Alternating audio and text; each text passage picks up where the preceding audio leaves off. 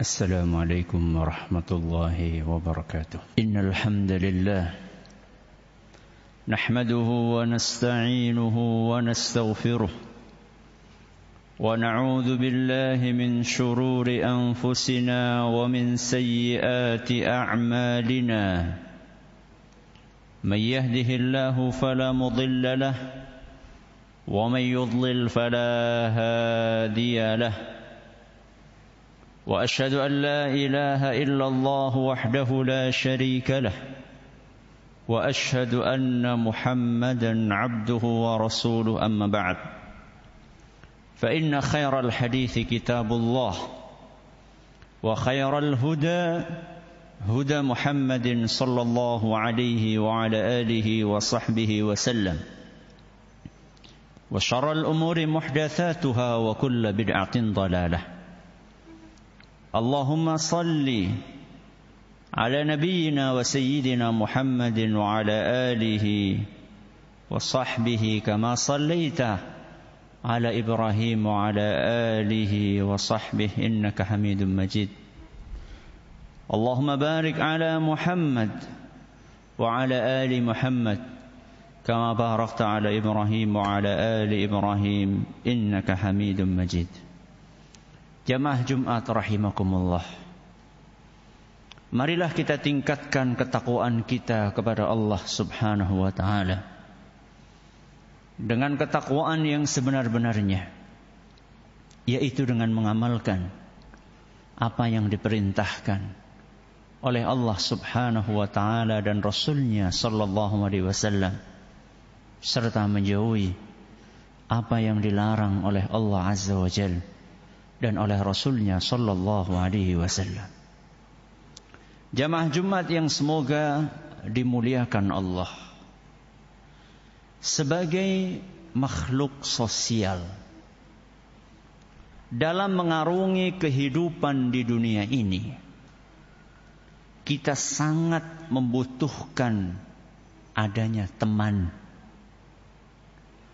Namun bukan sembarang teman yang kita butuhkan adalah teman yang setia. Kesetiaan teman biasanya akan terlihat dan teruji manakala kita ditimpa dengan kesusahan. Saat kita menderita sakit atau saat kita tertimpa musibah atau saat kita bokek alias tidak punya uang. Jika teman tersebut tetap mendekat, peduli bahkan membantu, maka ketahuilah bahwa dia insya Allah adalah teman sejati. Jika tidak, maka itu indikator kuat bahwa dia adalah tipe manusia yang hobinya suka numpang anget alias hanya memanfaatkan jabatan kita hanya memanfaatkan kedudukan kita hanya memanfaatkan uang kita belaka. Kaum muslimin yang kami hormati kesusahan yang kita alami di dunia tidak ada apa-apanya dibandingkan dengan kesusahan di akhirat kelak. Karena kesusahan di dunia maksimal hanya terkait urusan hidup dan mati. Adapun kesusahan di akhirat itu bersifat abadi dan tidak berkesudahan. Terlebih lagi Masing-masing kita kelak di hari kiamat hanya akan memikirkan nasibnya sendiri. Tidak mempedulikan orang lain. Sekalipun itu adalah orang terdekatnya. Sebagaimana yang Allah ceritakan suasana saat itu. Yauma yafirrul mar'u min akhi wa ummihi wa abihi wa sahibatihi wa bani. Pada hari kiamat nanti Manusia akan lari meninggalkan saudara kandungnya sendiri. Dia akan tinggalkan ayah dan ibunya sendiri. Dan juga dia akan tinggalkan istri dan anak-anak kandungnya. Likullim ri'im minhum yawma idhin sya'nu yughnih. Karena setiap manusia pada hari itu punya urusan sendiri-sendiri yang membuat dia sibuk tidak ada waktu untuk memikirkan orang lain. Al-Quran surat Abasa ayat 34 sampai 37. Namun jamaah yang kami hormati. Di saat setiap manusia hanya memikirkan dirinya sendiri. Ternyata masih ada harapan. Masih ada teman setia yang akan peduli kepada kita. Siapakah dia? Dialah Al-Quran. Teman setia tersebut adalah Al-Quran. Rasulullah sallallahu alaihi wasallam bersabda, Yaqulul Quran di hari kiamat nanti Al-Quran akan berkata kepada Allah subhanahu wa ta'ala. Mana'tuhun nauma bil-lail fasyafi'ni fihi. Wahai Rabbi, saat di dunia aku berhasil membuat orang ini mengurangi tidurnya di malam hari demi membacaku. Maka izinkan aku untuk memberikan syafaat kepadanya. Hadis riwayat Ahmad dan dinilai sahih oleh Imam Al-Hakim, Imam Az-Zahabi dan Syekh Al-Albani.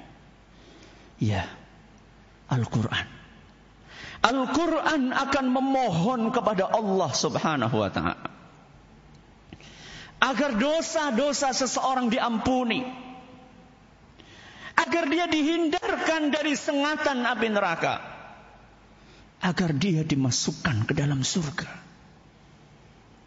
Kemudian Allah pun berkenan untuk menerima permohonan syafaat tersebut. Beruntunglah Beruntunglah orang-orang yang menjadikan Al-Quran sebagai teman setianya di dunia. Sebab Al-Quran akan menjadi teman setia untuknya di akhirat kelak. Aku qawli hadha wa astaghfirullah li wa lakum wa li jami'il muslimina wal muslimat fastaghfiruhu innahu huwal ghafurur rahim. Alhamdulillahi wahdah. Wassalatu wassalamu ala man la nabiyya ba'dah wa ala alihi wa sahbihi wa man ittaba'a hudah ila yaumil qiyamah amma ba'd. Sidang Jumat yang kami hormati. Apa maksudnya menjadikan Al-Qur'an sebagai teman setia?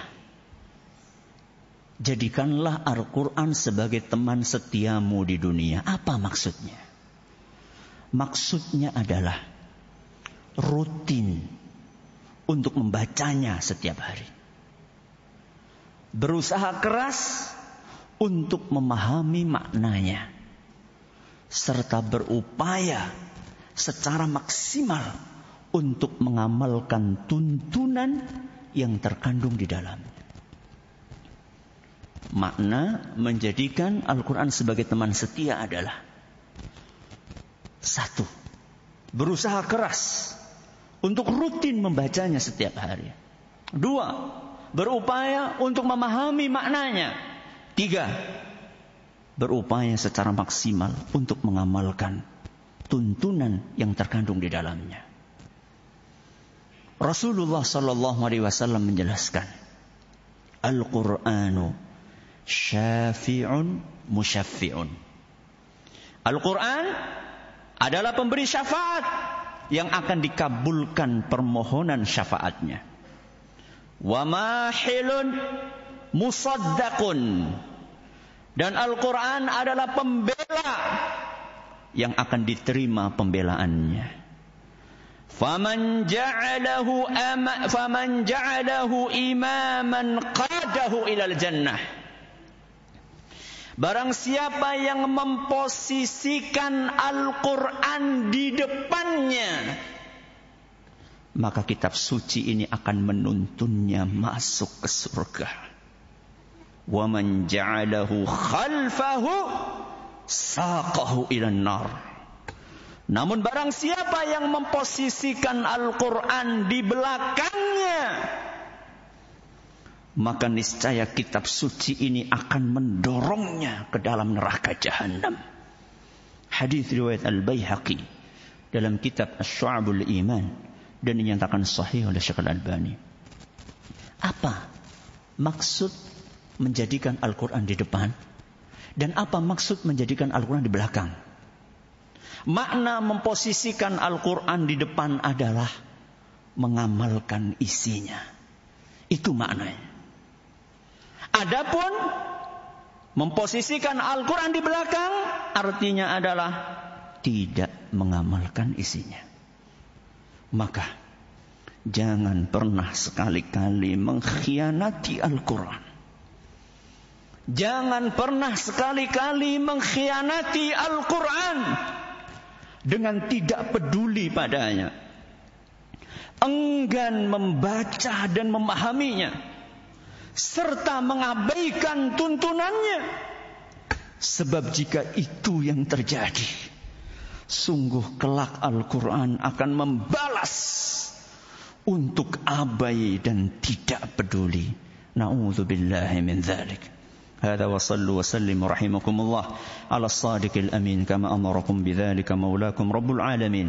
فقال سبحانه إن الله وملائكته يصلون على النبي يا أيها الذين آمنوا صلوا عليه وسلموا تسليما.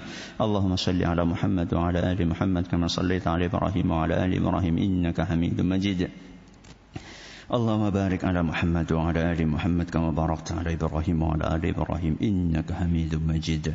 ربنا ظلمنا أنفسنا وإن لم تغفر لنا وترحمنا لنكونن من الخاسرين. ربنا اغفر لنا ولإخواننا الذين سبقونا بالإيمان. ولا تجعل في قلوبنا غلا للذين آمنوا. ربنا إنك رؤوف رحيم.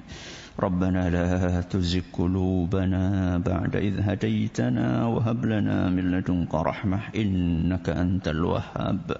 اللهم من ولي من أمر المسلمين شيئا فشق عليهم فاشقق عليه.